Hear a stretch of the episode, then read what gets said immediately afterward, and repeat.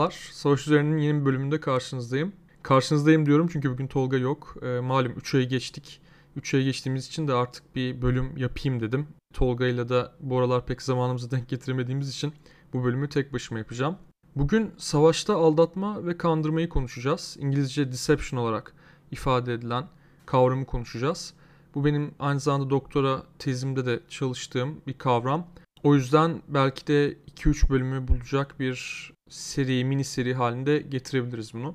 Savaşta kandırma ve aldatmanın tarihi çok eski. Savaşın tarihi kadar eski. Bu çok klişe bir giriş ama gerçekten de öyle. Çünkü savaşta kandırma asimetri yaratan en önemli unsurlardan bir tanesi. Ve savaşta asimetri de biliyorsunuz savaşı esas kazandıran unsurdur. Asimetri olmadan savaşı kazanmak şansa, talihe kalır. Bu da orduların tabii ki sahip olmadıkları bir lüks. Dolayısıyla her koşulda asimetri yaratmak isterler. İsterseniz kavrama girmeden önce asimetri ile ilgili ufak bir hatırlatma yaparak başlayayım. Asimetri biliyorsunuz iki şekilde aslında yapılıyor ana hatlarıyla kavramsal olarak. Simetride asimetri ve asimetride asimetri olarak ayırabileceğimiz bir kondisyon bu. Farklı uluslar, farklı ordular farklı asimetrileri tercih ederler. Bu iki kavramla ne kastediyorum? Mesela simetride asimetri şu demektir. Sayısal asimetri simetride bir asimetridir. Çünkü iki tarafında zaten ordu mevcudu vardır. Fakat bu simetri içinde bir asimetri yaratmak için sayınızı daha fazla tutmaya gayret edersiniz. Sayınızı belli bir yoğunlaştırmak istersiniz. Aynı şekilde teknolojik asimetri genellikle Genellikle diyorum çünkü her koşulda değil. Simetrik bir asimetridir. Bu ne demek? İşte ikinizin de savaş uçağı vardır. Fakat sizin savaş uçaklarınız biraz daha iyidir karşı tarafa kıyasla. E, fakat tabi dümdüz asimetrik asimetri yatan teknolojiler de var. Mesela Amerika Birleşik Devletleri'nin 2. Dünya Savaşı'nda kullandığı nükleer silahlar simetrik bir asimetri değil asimetrik bir asimetri yaratmıştır. Çünkü kimsenin elinde bu kadar yüksek tahrip gücü olan bir silah yoktur ta ki 1949 yılına kadar. Asimetride asimetride işte nükleer silah örneğinden anlayabileceğiniz gibi karşı tarafın o an hiç elinde olmayan bir unsurun kullanılması demek. İşte nükleer silah demin verdiğimiz örnek veya o dönem hiç uygulanmayan bir doktrinin veya manevranın bir anda oyuna girmesi. Keza 2. Dünya Savaşı'na örnek verelim. Polonya ve Fransa'nın işgalinde kullanılan Alman manevraları bunun örneğidir. Tıpkı bu manevralar ve nükleer silah gibi aldatma ve kandırı da aslında asimetride asimetri yaratan bir durum. Çünkü karşı tarafın buna hiçbir türlü hazırlığı ve karşılık verme şansı yok. Bir simetrisi yok. Zaten bu yüzden de oldukça değerli. İsterseniz bunu biraz daha temellendirmek için hem tarihe hem de biraz efsanelere girelim. Truva Savaşı aldatma ve kandırmanın anlatılması açısından çok güzel bir örnek. Her ne kadar gerçekliği tartışılır olsa da efsane hali bile bize kavramsal olarak iyi bir anlatı veriyor. Biliyorsunuz aslında Homeros'un yazdığı bir eser olmasına rağmen Truva Savaşı'nın anlatılması yani iki eserde de bahsedilmesine rağmen Truva Savaşı'nın nasıl bittiği ne İlyada'da ne de Odiseya'da çok iyi bir şekilde verilmiyor. Hatta İlyada'da hiçbir şey yok. Odiseya'da da yanılmıyorsam bir iki cümlede sadece bundan bahsediliyor ki o da bir yorum olarak bahsediliyor. Bize Truva Savaşı'ndaki asimetriyi esas anlatan kaynak Virgilius'un aynıydı. Biliyorsunuz Romalılar kendi çıkışlarını, aynasının çıkışını da Truva'ya bağlıyorlar. Truva'dan kaçan kişilerin belirli bir süre sonra bir macera sonrası diyelim tırnak içinde İtalya'ya varmalarıyla temellendiriyor Virgilius. Ve Truva atının da asimetriyi gerçekten yaratan atın da Virgilius tarafından yazıldığını biliyoruz. İlyada da savaşın son günleri anlatılıyor. Odiseya'da da savaşın sonrasında Odysseus'un başından geçenler anlatılıyor. Fakat e, Homeros tabi burada iki eserde de bize aldatma ve kandırma ile ilgili savaşta aldatma ve kandırma ile ilgili güzel bir düşünce sahası sunuyor diyelim. İlyada'da İlyada'nın bence ana karakteri Akileus yani gücü temsil eden daha primitif bir savaş yapma şeklini temsil eden Akileus'a adanmış bir eser. Ve nitekim savaş 10 yıldır sonuçlanamıyor bir türlü. E, buna Yunanca'da belki bia kavramıyla yani güç kavramıyla daha primitif güç kavramıyla süren bir savaş 10 yıldır bitmiyor. Ve savaşı bitiren kişi de Odysseus oluyor ki Odysseus aslında Akileus'un neredeyse tam ters karakterlerinden bir tanesi. Çünkü Odysseus Metis'i yani asimetri yaratan akıl diyeceğim ben buna. Sembolize eden bir karakter. Nitekim yaptığı savaşın 10 yılda bitmeyen savaşın şak diye bitmesine yol açıyor. Truva örneğinde bildiğiniz gibi bunu uzun uzun anlatmaya gerek yok. Fakat Homeros'un burada altın çizdiği noktalardan bence güzel olan noktalardan bir tanesi de şu. Odysseus'un her ne kadar yaptığı, kullandığı metisiyle savaşı bitirmesi en direkt olarak övülse de aynı şekilde Odysseus'un cezalandırıldığını görüyoruz ve 10 sene mi daha fazlaydı galiba. Odyssea'da evine dönmeye çalışıyor Odysseus tanrılar tarafından cezalandırıldığı için. Burada hep dönen işte asker kandırmalı mı?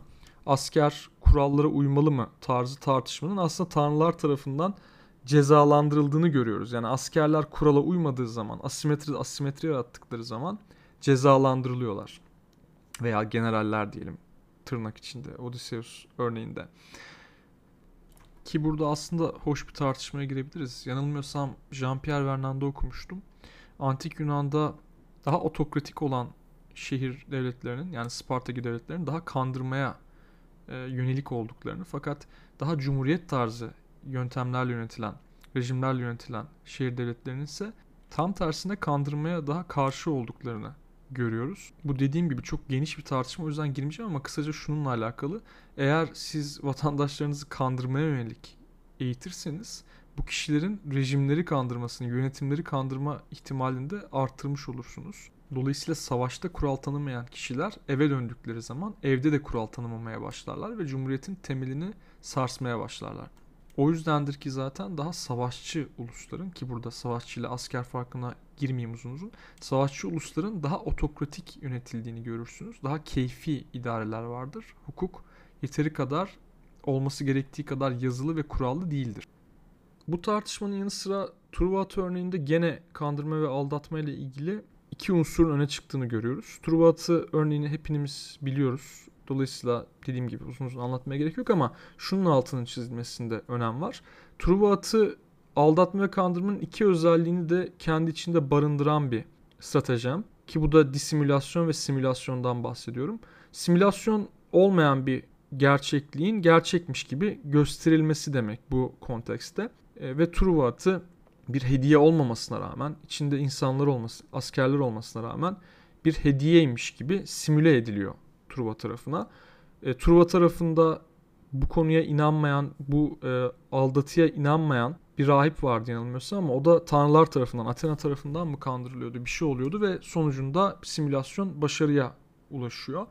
Disimülasyon kısmı ise içerideki askerlerin gizlenmesi zaten bu dümdüz herkesin çok rahatlıkla anlayabileceği bir kavram. Disimülasyon kısmına açıkçası çok girmeyi düşünmüyorum. Çünkü bugün günümüzde orduların çoğu bu disimülasyon kısmını yapıyorlar. İşte gizlenme, decoyların kullanılması, bu tarz her türlü gizleme fonksiyonu diyelim disimülasyon içine giriyor ve bu artık herkes tarafından, neredeyse herkes tarafından, neredeyse her modern ordu tarafından rahatlıkla yapılan veya bir ölçüye kadar yapılan bir unsur. Dolayısıyla daha iyi disimüle olduğunuz zaman sadece simetride bir asimetri yaratmış oluyorsunuz. En baştaki örneğe dönersek. Fakat esas konu simülasyonu yaratabilmek aldatmada. Ki bu zaten asimetride asimetri yaratan ve de savaşın gidişatını daha çok etkileyen konum. Buradan isterseniz bir de gerçek örneğe geçelim. Biraz efsane kısmını konuştuk, tarih kısmında konuşalım. Simetride asimetri ve asimetride asimetri arasındaki en güzel örneklerden bir tanesi 2. Pünik Savaşları'nda aslında ortaya çıkan bir durum. Biliyorsunuz Roma genellikle simetride asimetriyle kazanan bir ulustur. Sürekliliği çok yüksektir. Savaş kaybeder, muharebe kaybeder. Arkasından hemen bir ordu daha çıkartır. İnatçıdır. Zorlaya zorlaya kazanır. Rakamlarla kazanır Roma. Buna karşın 2. Pünik Savaşları'nda Kartaca'da ise bunun tam tersini görüyoruz. Kartaca sürekliliği çok olmayan bir ülke ki bunun pek çok sebebi var ama en büyük sebebi Kartaca'nın bir ticaret ulusu olması ve ordusunun Kartacalılardan ziyade paralı savaşçılardan oluşmasıyla alakalı. Dolayısıyla Hannibal gibi çok yetenekli bir komutanın asimetride asimetrisiyle savaşı aslında devam edebilmiş bir ülke. Hannibal genellikle çok iyi bir komutan olarak bilinir ama Hannibal'in kandırmaya yönelik ünü pek konuşulmaz. Hannibal her koşulda neredeyse karşı tarafı kandırmaya gayret eden komutanlardan bir tanesidir. Bunu zaman zaman manevra ile yapar, zaman zaman dümdüz kandırma ile yapar. Bu iki örneği de verebilmek için hem manevra örneğini verebilmek için hem de kandırma örneğini verebilmek için zaten Hannibal'den bahsetmeyi seçtim. Malumunuz bu Kanay Muharebesi Roma'nın çok ağır kayıplar verdiği, sayıca üstün olmasına rağmen Kartaca'ya kaybettiği, kaybettiği demeyelim hatta paramparça olduğu muharebelerden bir tanesi. Cannae Muharebesi'nde de Hannibal'in bu kandıran zihnini Yunan tabiriyle Metis'i çok güzel görebiliyoruz. Çünkü o dönem klasik muharebe formasyonlarında merkezin genellikle kuvvetli tutulduğunu görüyoruz. Fakat Cannae Muharebesi'nde Hannibal bilerek merkezi oldukça kuvvetsiz tutuyor. Ve muharebenin başında Kartaca atlılarının Roma atlılarına galip gelmesi de planı iyice rayına oturuyor. Muharebenin ilerleyen zamanlarında merkezin geriye kaydığını görüyoruz. Hannibal'in merkezinin, Kartaca merkezinin ve bu aslında Roma açısından merkezin düştüğü simülasyonunu yaratıyor ve Romalılar ortadan, merkezden daha fazla saldırmaya başlıyorlar. Fakat aslında bu bir tuzak. Roma merkezi Kartaca merkezinin içine gömüldüğü an Kartaca'nın kanatlarda kalan piyadeleri içeriye doğru saldırmaya başlıyor ve işte Türk literatüründe diyelim hilal taktiği dediğimiz taktiğin, hareketin aslında piyadeler tarafından yapıldığını buradan görüyoruz. Muharebenin başında Kartaca atlılarının da galip gelmesiyle birlikte bu hilalin açık kısmının da atlılar tarafından kapatıldığını ve bütün Roma ordusunun Kartacalılar tarafından çevrildiğini ve yok edildiğini bu muharebede görüyoruz. Hannibal'in burada yaptığı hareket Metis'in bir sonucu olarak yorumlanabilir. Asimetride asimetri yaratmış bir durum. Çünkü Romalılar çok da alışık olmadıkları bir hareketle müthiş bir kayıp veriyorlar. Hoş bundan sonra Roma'nın gücünü de tabi simetrik olarak görüyoruz burada. Simetride asimetri olarak görüyoruz. Kanay'da yanılmıyorsam 60-70 bin kişi ölüyor. Buna rağmen arkasından hemen Kartaca'nın önüne yeni lejyonların kaldırıldığını görüyoruz. Ölen askerlerin yenilendiğini tırnak içinde görüyoruz. Burada e, Kartaca'nın Hannibal'in yaptığı, sahada yaptığı asimetriyi örneklemiş olduk. Aynı zamanda ilerleyen zamanlarda da çok net bir örnek var. Direkt bir olayda kandırma yaptı Hannibal'in. Oraya da geleceğiz. Biliyorsunuz Roma çok ağır kayıplar verdikten sonra Kanaya ve devamındaki muharebelerde ve öncesindeki muharebelerde konsül değişiyor. Çünkü konsüllerin izlediği strateji diyelim tırnak içinde Hannibal tarafından sürklase ediliyor. Ve yeni gelen kon- konsül Fabius, Quintus Fabius'tu yanılmıyorsam. Quintus Fabius Hannibal'in çok iyi bir komutan olduğunu bir ön kabul olarak alıyor. Bu çok akıllıca bir davranış. Çünkü rakibinizin sizden iyi olduğunu anlamak da sizin zekanızı gösterir. Eğer muharebede karşınızdaki sizden iyiyse, sizden daha kandırma konusunda iyiyse o zaman bu toplara girmemeniz lazım. Çünkü adam sizden iyi. Bunu kabul edip stratejinizi oluşturmanız lazım. Fabius bundan sonra artık Hannibal'le karşılaşmamaya gayret ediyor ve devamlı işte çekilen Hannibal'i Hannibal'i bir attrition'a yani yıpratma savaşına sokan bir strateji izlemeye başlıyor. Zaten sonrasında da bu stratejiye Fabian stratejisi deniyor Fabius yüzünden. Ve Hannibal'den devamlı çekilerek çekilerek çekilerek zaman kazanarak Hannibal'i alt etmeye yavaş yavaş başlıyor Fabius. Fakat e, burada işte Odysseus'un cezalandırılması gibi, tanrılar tarafından cezalandırılması gibi Roma Senatosu'nun da Fabius'u devamlı bir mobbingi var diyelim.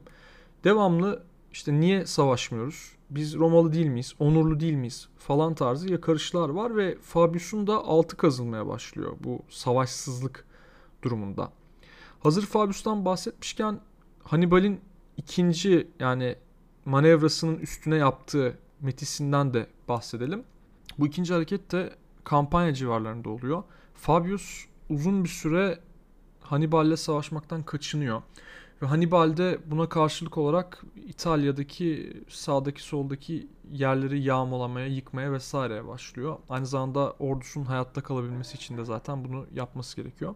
Kampanya civarlarında Hannibal sonunda kıstırıyor e, Fabius. Fakat hala Fabius savaşa girmekte, muharebeye girmekte çekinceli. Çünkü Hannibal'den hala tırnak içinde korkuyor. Ve gece Hannibal'in artık kaçması gerekiyor. Bir dağ, dağ eteklerinde galiba çevriliyordu çünkü. Hannibal şunu düşünüyor. Diyor ki ben buradan nasıl kaçarım? Fabius benle devamlı savaştan kaçınıyor. Ve şunu yapıyor Hannibal. Çok büyük bir sürü hayvan var yanında ve bu hayvanların hepsine dağın geçidinin eteklerin oradaki geçitten geçirmeye başlıyor ve hepsinin işte boynuzlarına bir şeyler bağlıyordu şu an net hatırlamıyorum ve yakıyor bu bağladığı şeyleri. Dolayısıyla büyük bir ordu sanki dağ geçidinden geçiyormuş imajı yaratılıyor. Orada tabii geçidi koruyan Romalı askerler var ve Fabius'un da bu işten tabii ki haberi oluyor. Fakat Fabius bu gelişmeyi duyduğu zaman ciddi derecede çekiniyor. Bu geçitteki yani ki geçitte saldırdığınız zaman çok büyük avantaj sağlarsınız doğal olarak. Geçitte olmasına rağmen bu muharebenin içine girmek istemiyor. Çünkü Hannibal'in gene kendisine bir oyun çekeceğinden şüpheleniyor.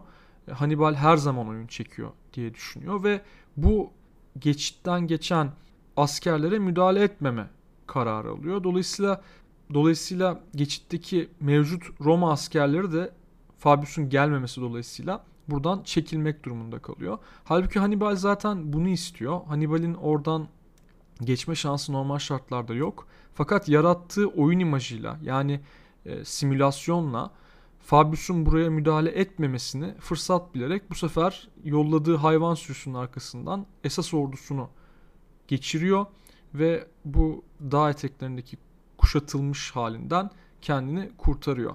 Burada Hannibal'in gene işte bu asimetri yaratan zekasını görüyoruz. Çünkü adam Fabius'u o kadar iyi okumuş ki Fabius'un kendisinin her türlü oyun oynayacağını düşünmesini bildiği için normal ordusunu buradan dümdüz bir şekilde 101 şeklinde diyelim geçirebileceğini de Hannibal çok iyi biliyor. Dolayısıyla bu asimetri yaratabilmek için bu kandırma ve aldatma asimetrisini yaratabilmeniz için buradaki bir numaralı kural karşı tarafı anlamak. Çünkü siz ne kadar zeki olursanız olun karşı tarafın zekasının ne karar vereceğini bilmediğiniz durumda yaptığınız oyunların hiçbir işe, hiçbir iyi sonuca ulaşmayacağını göreceksiniz. Bu Roma örneğinden pat diye 2. Dünya Savaşı'na geçeyim. Çünkü bununla ilgili çok güzel bir örnek var 2. Dünya Savaşı'nda. Karşı tarafı tam anlayamamakla ilgili bir çok güzel bir anekdot var. İkinci Dünya Savaşı'nda Dudley Clark diye bir general var. İngiliz generali. Kendisi tamamıyla kandırma ve aldatma üzerine çalışıyor aslında. Deception, Military Deception'ın başına konuyor Kuzey Afrika cephesinde ve e, A gücü diye, A Force diye bir güç ortaya çıkartıp tamamıyla aldatma asimetrisiyle Almanlara ve tabii ki İtalyanlara burada üstünlük kurmaya, asimetri sağlamaya çalışıyor kendisi. Burada çok önemli bir örnek var Dudley Clark ile ilgili. Dudley Clark daha Kuzey Afrika'ya yeni geldiği zaman Etiyopya'daki İtalyan kuvvetleriyle ilgili bu İtalyan kuvvetlerini kandırması ile ilgili bir emir geliyor kendisine. Bu emir de İtalyan birliklerini Somaliland'dan çıkarmakla ilgili bir emir. Camille operasyonunun adını ver, verdiği bir operasyonla yerine getirmeyi uygun görüyor Dudley Clark.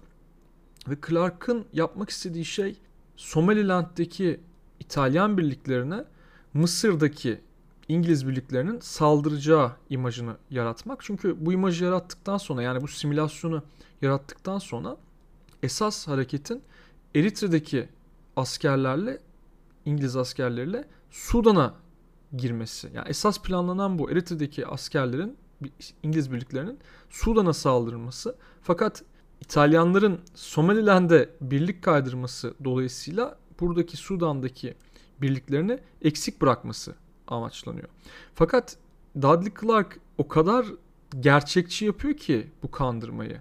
İtalyan askerleri, İtalyan general generali bir noktadan sonra gerçekten Somaliland'in saldırılacağına öyle bir inanıyor ki biz burayı tutamayız mantığıyla yani İngiliz birliklerine dayanamayız Somaliland'de diye düşünerek Somaliland'deki bütün birliklerini geriye çekiyor ve dolayısıyla Sudan daha kuvvetlenmiş oluyor.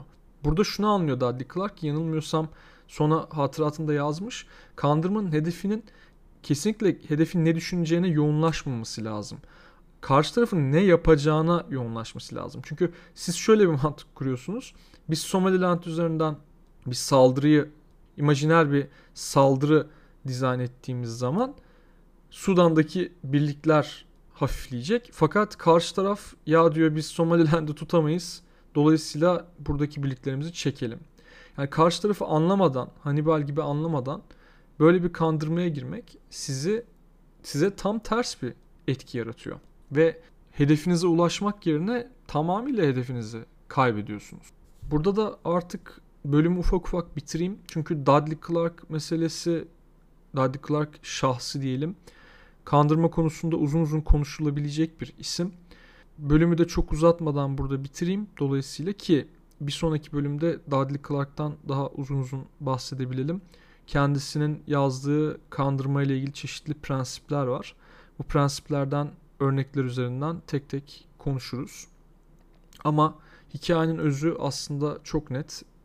Zaten podcast'in başında da belirttiğim gibi kandırma ve aldatma asimetri yaratma konusunda en etkili unsurlardan, en ucuz unsurlardan fakat yapılması aynı zamanda da en zor unsurlardan. Çünkü tamamıyla bu bir zeka ve empati işi aslında. Clausewitz'in deyimiyle bir kudöy işi. Ve bu kudöyde herkeste maalesef olmuyor. Olmadığı zaman da zaten bu tarz aksiyonlara girişemiyorsunuz. Dolayısıyla ülkelerin de zaten bu tarz büyük kandırmalara odaklanmadığını aslında görüyoruz. Çünkü simetride asimetri yaratmak bilinen edilen bir işin daha iyi yapılmasıyla mümkünken asimetride asimetri yaratmak hiç bilinmeyen bir diyara girilmesi demek ve burada da ancak kuduyu olanlar zaten yolunu bulabiliyorlar ve de dolayısıyla bunun üzerine yatırım yapmak birazcık daha zorlaşıyor. E, bu tarz ciddi asimetrileri yaratan kişilerin ancak savaş dönemindeki belirli generallerin kişisel girişimleriyle olduğunu görebiliyoruz. Devletler maalesef bu tarz planlamalara girişemiyorlar. Zaten bu asimetri asimetrinin doğası dolayısıyla girişemiyorlar. Tabi bunun bu konuya hazırlanamama durumu da kabul edilebilir bir şey değil. Evet siz kimseye asimetride asimetri yaratmayı öğretemezsiniz ama asimetride asimetriyi nasıl yaratacağını anlatabilirsiniz. Tıpkı stratejiyi öğretemeyeceğiniz ama anlatabileceğiniz gibi. Dolayısıyla devletlerin bu tarz konulara yatırım yapması da aslında mümkün fakat çok karmaşık bir süreç. Ben de zaten bu süreci bilmiyorum. Şu an çok sığ bir şekilde size bunu bahsettim. Fakat oyuncu olmam dolayısıyla podcast'i kapatmadan önce şöyle bir şey söyleyerek kapatayım. Sanırım yaratıcılığı biraz geliştirebilmek açısından çok fazla da antrenman yapabilme açısından oyunlar bize 3 aşağı 5 yukarı bu yeteneği biraz kazandırıyor. Özellikle Grand Strateji oyunları işte Paradox Interactive'in yaptığı tarzdaki oyunların ben insanlara bu tarz bir kuleyi tırnak içinde bedavadan belirli ölçüde kazandırdığını düşünüyorum. Tabii bu şu demek değil. Yani bol bol oyun oynayın genel olursunuz demek tabii ki değil. Fakat hiç yoktan iyidir diye düşünüyorum. Çünkü aslında bu tarz yaratıcı asimetriyi kullanabileceğimiz pek çok durumu gündelik hayatımızda da çeşitli örneklerde yaşıyoruz. Ve ufak da olsa gündelik asimetrilerde hayatımızı kolaylaştırır diye düşünüyorum. Ve burada artık podcast'i bitireyim. 3 aylık bir ara tekrar vermeyeceğim. Bir sonraki bölümü 1-2 hafta içerisinde yapmayı düşünüyorum en kötü ihtimalle. Dudley Clark'tan devam ederiz. Biraz daha güncel örneklerden devam ederiz aldatma ve kandırma ile ilgili. Ve aldatma ve kandırmanın aslında biraz tarihsel dönüşümüne, değişimine de bakarız. Savaş fenomeni kompleksleştikçe aldatma ve kandırmanın da kompleksleştiğini görüyoruz. Kapatıyorum kapatıyorum deyip sözü devam uzattım. En son şunu söylüyorum gerçekten. Truva Savaşı'nı bitiren basit bir Truva stratejiminin artık bugün hiçbir geçerliliği olmadığı hepimizin malumu. Siz gidip mesela Ukrayna-Rusya Savaşı'nda bir otobüse Rus askerlerini yükleyip üstüne güzel bir dekor yapıp Ukrayna karargahına sokup Ukraynalı generalleri öldüremezsiniz. Bu komik bir durum. E, fakat e, geçmişte bu çok iş yapmış. 10 yıllık savaşı bitirmiş tırnak içinde. Bir efsane stratejim olarak geçti tarihe. E, dolayısıyla aldatma ve kandırma da hayli değişti. Hayli karmaşıklaştı. tarihsel süreçte de bunları getiririz. Bir sonraki bölümde dediğim gibi Dudley Clark'ın prensiplerini konuşuruz. Sonra da biraz işin tarihine gireriz. Çünkü bu prensiplerin aslında tarihte de geçerli olduğunu görüyoruz. Bu insan zihniyle alakalı. Zaten aldatma ve kandırma da insan zihniyle alakalı aksiyonlar. Size veda ediyorum. Bir sonraki programda görüşmek üzere.